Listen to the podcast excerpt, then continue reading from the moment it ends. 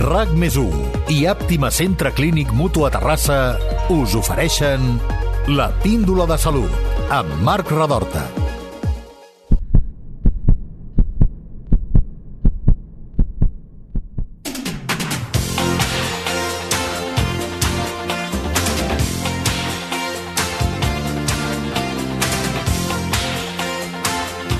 Raimon Saburó va néixer a París el 1864 i va dedicar la seva vida a les tres coses que més li apassionaven.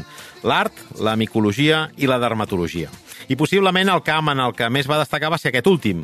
De fet, va ser qui va definir el terme alopècia i el primer que la va estudiar en més profunditat. I sí, efectivament, era calp.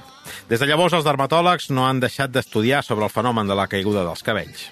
La immensa majoria de persones acostumem a perdre entre 100 i 200 cabells al dia. El que passa és que no es nota, perquè al mateix temps també creixen nous cabells. Però quan aquests ja no apareixen, la calvície és quan es comença a notar.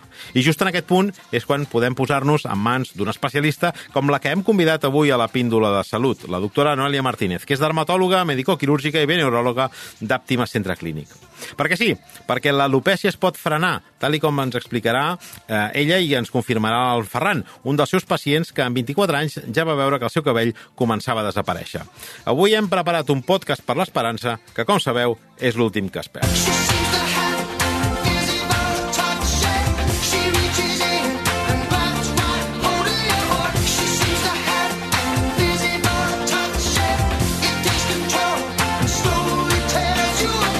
Doctora Noelia Martínez, benvinguda i gràcies per acompanyar-nos en aquesta píndola de salut. Hola Marc, moltes gràcies a tu també per fer-me partícip d'aquest trosset de podcast.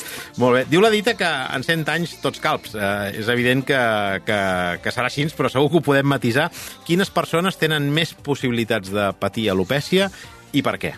A veure, és una pregunta complicada perquè hi ha molts diagnòstics, eh, moltes patologies que poden comportar eh, alopècia, no? Llavors és bàsic que un dermatòleg, que és l'especialista que s'encarrega també d'explorar el cuir pilós i veure què li passa al cabell, pugui posar una mica de llum de quina és la causa. Eh, el que més coneixem és la calvície comuna, que és l'alopècia androgènica, i això sempre hi haurà més freqüència amb homes, no?, que estan més predisposats per exposició a aquestes hormones masculines a patir una pèrdua progressiva dels cabells. I en aquesta alopècia, que és la més uh, comuna, um, en quin moment podem ja saber, intuir, veure uh, que patirem aquesta alopècia? Normalment és el pacient el que mm. comença a veure que està perdent densitat capilar. Moltes vegades hi ha pacients que consulten que per l'exploració tu no diries que ha perdut densitat, però ells ja ho senten, que mm. comparen amb mesos enrere i ja comencen a explicar-te que hi ha un avi, hi ha un pare que també eh, té una calvície, no? i això els, els preocupa. Però això pot aparèixer a qualsevol edat. En general, amb homes, normalment a partir dels 30, 35, 40 ho veiem, però hi ha pacients molt joves, eh, amb adults joves de 20, 20, 20 i pocs que ja consulten. Uh -huh. he, he llegit que hi ha un llindar, de, de fet ho dèiem a la presentació, no? que hi ha un llindar d'uns aproximadament uns 200 cabells um, de pèrdua al dia que determina una mica el moment en el que ens hauríem de començar a preocupar. Seria més o menys així? Sí, en teoria hem de considerar que uns 150 cabells diaris és el més habitual, perdre'ls, sí. um, però sí que és veritat que hi ha diferents situacions que poden provocar una major pèrdua diària i o que hi hagi una, uns 150 pèls de, que es perdin cada dia, però que la nostra capacitat de recuperació no sigui la de sempre. Llavors, no. la pèrdua sigui igual, però la recuperació sigui més lenta. Uh -huh. uh, deixem saludar una persona que va detectar que perdia més cabells del compte, que coneixes bé. És en Ferran. Ferran, benvingut i gràcies per acompanyar-nos, tu també. Hola, bon dia. Gràcies a vosaltres. Molt bé. Uh, tu tens ara 27 anys, crec, oi? 27, sí. sí. A quina edat vas, vas veure que la cosa anava per mal camí? Doncs jo crec que pel final dels 23, principis dels 24, ja vaig començar a notar una mica de, de disminució de, de densitat capilar, sobretot en algunes zones més de, del, davant del, del cap i potser la, la, la part del darrere, no? la coneguda coronilla, doncs es començava a veure una mica més, més la pell, diguéssim. Més despoblada, no? Exacte. Eh, i, I com és que vas anar a parar a la consulta d'una dermatòloga com la doctora Martínez? Bueno, perquè comentant amb, els, amb amics i tal, doncs m'ho havien comentat, no?, de que doncs, potser la, passar per una consulta d'un dermatòleg o dermatòloga en aquest cas uh, m'ho podria, podria revisar i, i potser, possiblement fer un, fer un tractament, no?, per això. Doncs eh, és una de les coses que a mi no, no és que em sorprengui, perquè, eh, però que, no, que potser no, és, no ho tenim tan interioritzat, no? perquè la, quan pensem en una mm, especialista experta en dermatologia, el, que, el primer que et ve al cap no són els cabells, és, és la pell, Correcte. però entenc, clar, però entenc que, entenc que la, els cabells surten per la pell i que és un tema que tracteu, no, doctora? Sí, efectivament, i hi ha com molta confusió en aquest camp, perquè uh mhm. -huh. molts són els, molt els pacients que sorprenen no? de que la dermatologia abarqui el tema dels cabells, però sí, som nosaltres i és important que, que la gent que ens escolta també ho sàpiga, no? que si hi ha un problema cuir-pilós, el dermatòleg és l'especialista que està preparat per, per tenir en compte tots aquests problemes i que moltes vegades, malauradament, el pacient arriba molt, molt tard no? per la condició cutània que té perquè ha fet altres coses, no? assessorat per, per altres persones que potser no estan ben formades amb això i hem perdut un, un temps molt valuós per, per tractar. Clar, perquè una cosa és frenar la caiguda, ara ho parlarem, eh? una cosa suposa que és frenar la caiguda i l'altra és uh, provocar que, que, que, que, neixin de nous, no? estimular que neixin de nous.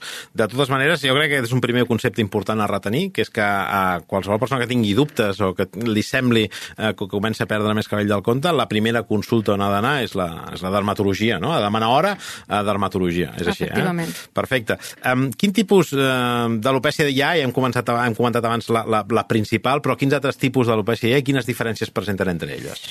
Mira, hi ha una de les situacions més comunes a consulta que, que s'anomena fluid que uh mhm. -huh. és com una caiguda sobtada del cabell, que normalment es relaciona... Això pot passar a qualsevol moment de la vida, eh? Sí. qualsevol edat, homes, dones, però que es relaciona principalment amb situacions d'estrès, sí. a vegades amb fàrmacs, però normalment després d'una intervenció quirúrgica, infeccions, febre, postpart, eh, la típica caiguda que passa als dos, quatre mesos després d'un part, eh, sí. això té nom i cognoms, es diu fluid halogen, i és bàsicament que normalment el cabell té com tres fases no, de creixement. Tens una fase anàgena, on el cabell creix durant 3-5 anys, el 90% dels nostres cabells estan en aquesta primera fase. Posteriorment passa a una fase catàgena, que és com d'estabilitat, i al final eh, dura dos, sis setmanes, i Després ve la fase talògena, que és on hi ha la caiguda de cabell i el folicle es queda estable, no? Sense, mentre es va cre creant un, un cabell nou. Sí, la vida d'un cabell dura, més o menys, normal? Diries entre uns 3-5 anys. 3-5 sí. anys, eh? I es van renovant entre ells. Efectivament. Uh mhm. -huh. Clar, el més normal és que el 90% dels nostres cabells estiguin en la fase anàgena, amb Correcte. creixement, uh mhm. -huh. i en la talògena un 10%. I un per, petit per, percentatge... Per això, per això hem d'anar sovint a la perruqueria, no? Perquè continuen creixent. Correcte. Llavors, clar, què passa passa amb una fluvital·logen, que si un 10% haurien d'estar caient, amb uh -huh. una fluvital·logen passant a ser el 20 o més per cent. Llavors la gent s'espanta molt, veu sí. molts cabells a la dutxa, veu que va perdent cabells per tot arreu, la casa plena de cabells, roba plena uh -huh. de cabells, però això és un, una patologia que es, es considera benigna en el sentit de que hi ha recuperació espontània. El propi cos té la capacitat de, una vegada passat aquest estrès, tornar a generar cabells de nous. Però el pacient arriba molt angoixat a, a consulta i convençut que es quedarà calb o calva, no? Uh -huh.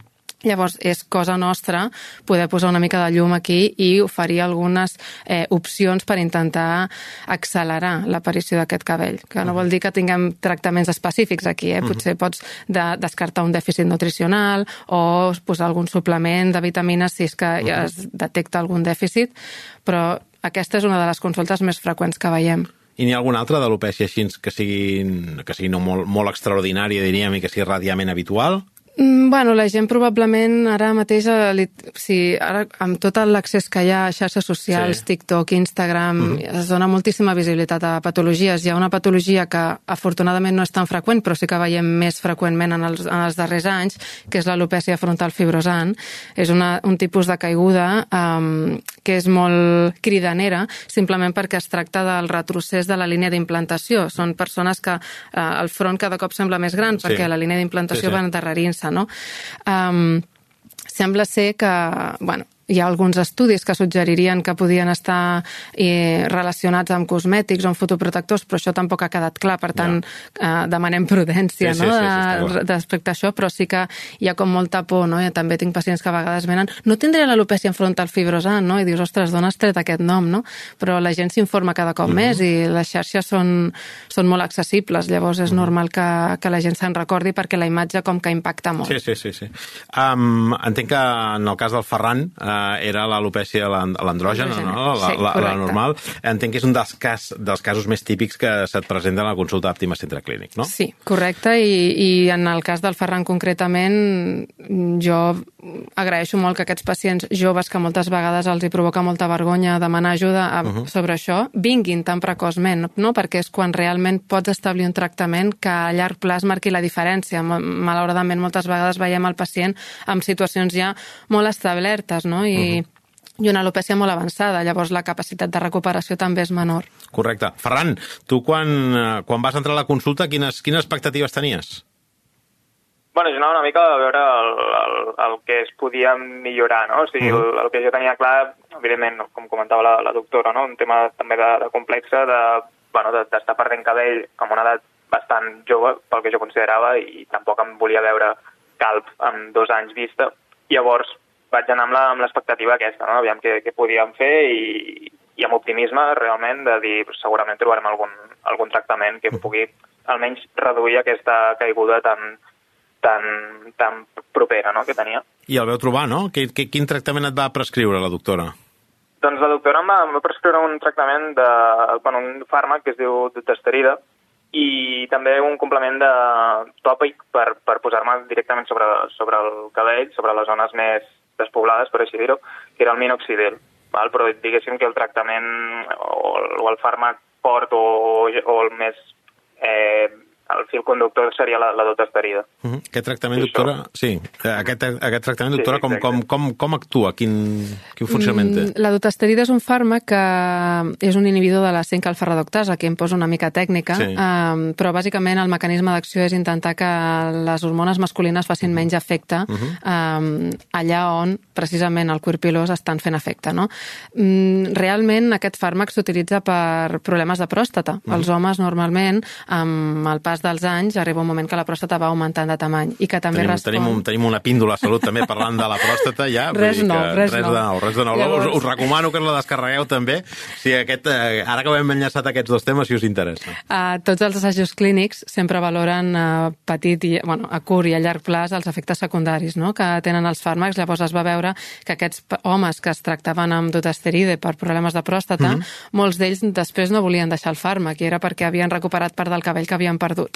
Llavors um, es fan servir dosis baixetes, uh, és un fàrmac que es tolera molt bé, Es, es pren, és via oral, és, un, és una pastilla, sí, perquè ens correcte, eh? és una pastilla, llavors uh, sí que és veritat que existeixen efectes adversos i que això s'ha d'explicar a consulta perquè molts pacients venen com una mica atemorits per el risc de disfunció erèctil. Quins són els, els efectes? Bàsicament el que més preocupa els pacients és Sí? disfunció erèctil. Uh, que Però, però té aquests efectes o és una pas- preocupació? Pot passar, pot, pot passar. També existeix tractament perquè no passi. La nostra experiència àptima és que un molt poc percentatge presenta aquests efectes i es tolera molt bé. Uh -huh. Llavors sí que és important saber que nosaltres estem tractant una conseqüència d'unes hormones masculines que ja ens van bé que estiguin a l'home. Uh -huh. Llavors és, és important que el pacient sàpiga que serà un tractament a llarg plaç. En el moment en què deixi el fàrmac, el seu cabell evolucionarà com normalment ho faria en el seu cos, però no hi ha cap efecte rebrot ni altres pors amb les que venen els pacients, eh, quan pregunten per això.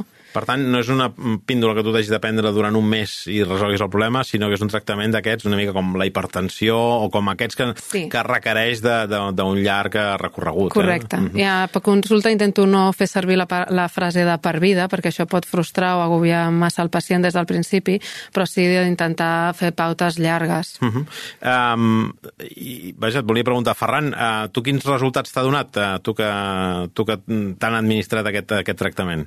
Jo, els resultats molt positius, la veritat. O sigui, ho vaig, ho vaig notar, no va ser del dia de la nit al dia, evidentment, però sí que va ser més gradual i al llarg d'uns d'uns mesos, diria entre 3 i 6 mesos ja vaig començar a notar la diferència i principalment que no se'm queia tant el cabell. I després ja, pues, més a llarg termini vaig anar veient doncs, més, més augment de densitat capilar en zones que abans no en tenia. Per tant, aquest uh, fàrmac el que fa és, per un costat, frena la caiguda Uh -huh. Correcte. I estimula el creixement dels altres? No necessàriament. Potser no diria que estimula, però com sí que mantenim aquest cicle, no? Sí. Al final, Ferran és un pacient sa, eh, té un cicle de cabell totalment normal, llavors si ja frenes la caiguda, ja estàs a, agafant més Correcte. cabells, no? mantenint-los. Per tant, és normal que hi hagi zones que la seva alopècia era molt, molt incipient i hi hagi zones que hagin recuperat tan bé. Uh -huh. Perquè hi ha tractaments per, per, per, per promoure, per estimular, per fomentar la crescuda? Sí, hi ha tractaments que poden estimular-la i hi ha un tractament tòpic que ell t'ha comentat que també fa, que és el minoxidil. No? Eh, El minoxidil realment és un vasodilatador, s'utilitza en pastilles, s'utilitza com a antihipertensiu a dosis molt més elevades. No? A dermatologia el podem fer servir tant de forma tòpica amb spray com en pastilles i ens ajuda tant a que el cabell no caigui tant com perquè el cabell vagi creixent més ràpid. Uh -huh.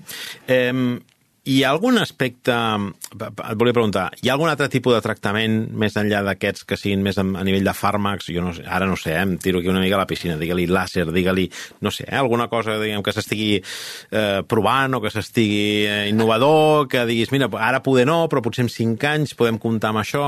A veure, hi ha molts canvis i molts estudis eh, des de l'última dècada en el tema de tricologia al país. Espera't, i... espera't, parem aquí. Sí. Tricologia, que és que ho he après abans quan estàvem fent el cafè abans de començar.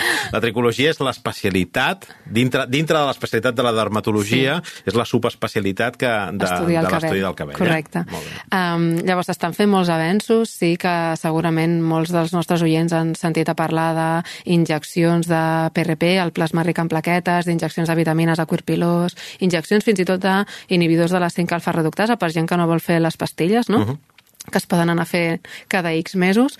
I, i la veritat és que sabem que fàrmacs eh, les, per les apolopècies això és efectiu.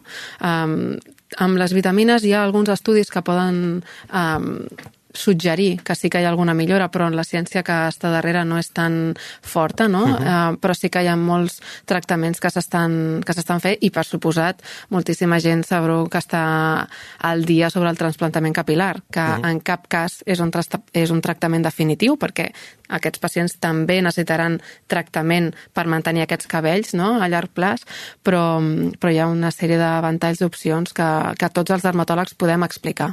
Jo crec que el tema del transplantament eh, és prou ampli com perquè un altre dia potser puguem abordar-lo amb una mica més de, de calma, perquè també s'han posat molt de moda fins i tot el turisme no? d'ingerts sí. o de transplantaments. Sí. Uh, I fins i tot famosos no? i futbolistes que, sí. que, que, que, han, que han optat per aquesta, per aquesta solució.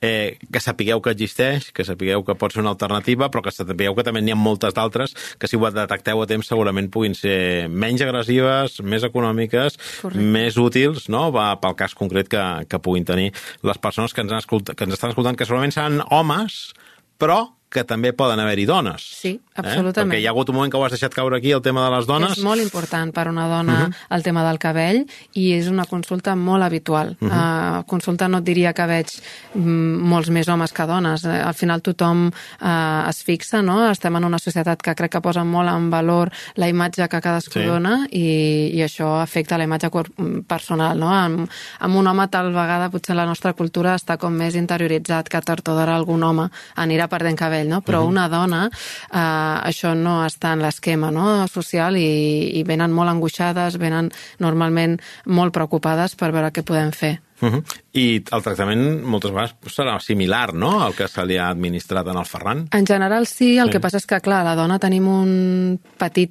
tema que és uh, l'edat que pugui sí. tenir, no? Amb edat fèrtil uh -huh. uh, hem d'anar molt en compte perquè hi ha molts tractaments que no estan recomanats ni amb embaràs ni amb lactància i que eh, tot i que els fes, hauria de passar uns mesos sense tractament abans de buscar Val. un embaràs. Mm. Llavors hi ha situacions concretes que són de la dona que s'han de tenir també en compte. Correcte, correcte.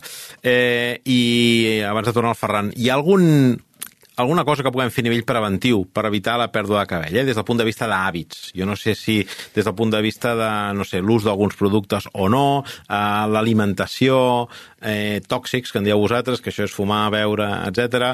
Hi ha alguna cosa que es pugui fer per intentar evitar la pèrdua de cabell o no està demostrat, això? Em sembla una pregunta molt interessant, uh -huh. no? I realment sempre intentem eh, estimular o induir una, una conducta d'hàbits saludables, no? Una dieta plena dietana de vegetals, verdures, fer exercici, no? Tot això farà que el nostre cabell vagi millor, perquè el nostre cos anirà millor. Um, és veritat que sempre intentem recomanar que no hi hagi massa tracció, no? que no es facin cues molt apretades, perquè això també pot induir una alopècia que es diu per tracció. Um, o... per, per estirar, eh? perquè Exacte, ens entenguem. Eh? correcte. Sí, sí. Eh, però més enllà d'això, els xampús que fem servir normalment amb més o menys sulfats eh, acostumen a tractar bé el cabell. Rentar més o menys el cabell és indiferent. Normalment podem fer una higiene mm del cap, de cabell cada dia sense que el cabell caigui més i, i poc més. De seguida que veiem alguna cosa que no ens quadra o si estem bé però simplement volem una opinió d'experts, de, jo us recomano això, no? que contacteu amb el vostre dermatòleg o dermatòloga de, de referència.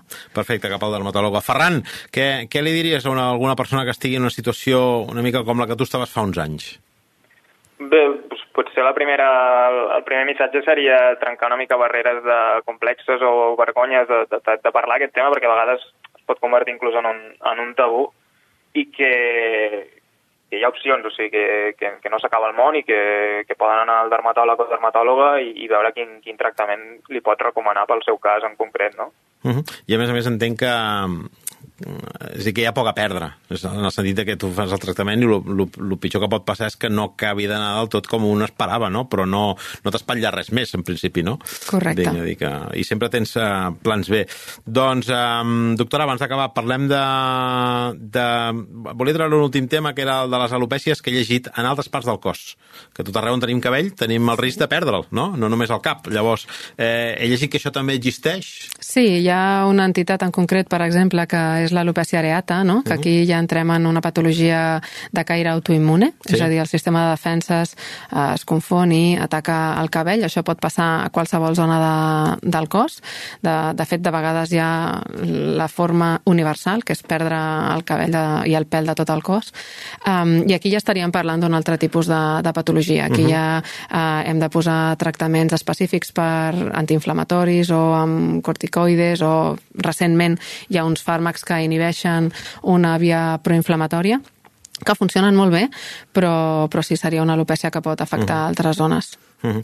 Molt bé, doncs eh, crec que més o menys hem fet una mica de resum, un, allò, un overview, no?, que es diu en anglès, d'una sí. mica el que hi ha en el tema de l'alopècia.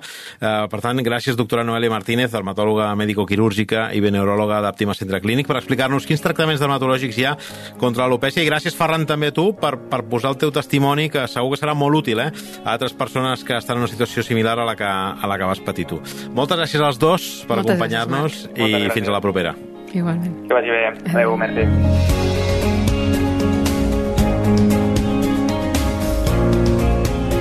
La píndola en un minut. De mitjana, les persones perdem uns 150 cabells al dia, que normalment es van renovant. Quan deixen de fer-ho, o quan en cauen més del compte, és quan apareix l'alopècia, i és quan de seguida cal acudir a la consulta de dermatologia. Els cabells tenen un cicle de vida d'entre 3 i 6 anys. La seva resistència està determinada per aspectes genètics i hormonals. En principi, els nostres hàbits o els tractaments de bellesa que ens fem al cabell no haurien d'afectar el ritme de la caiguda, però sí la seva resistència.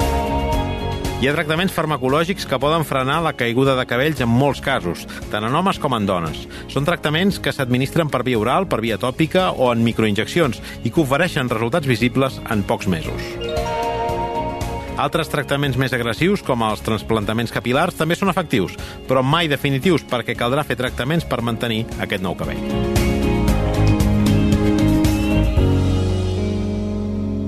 RAC més i Àptima Centre Clínic Mutu a Terrassa us han ofert la píndola de salut amb Marc Radorta.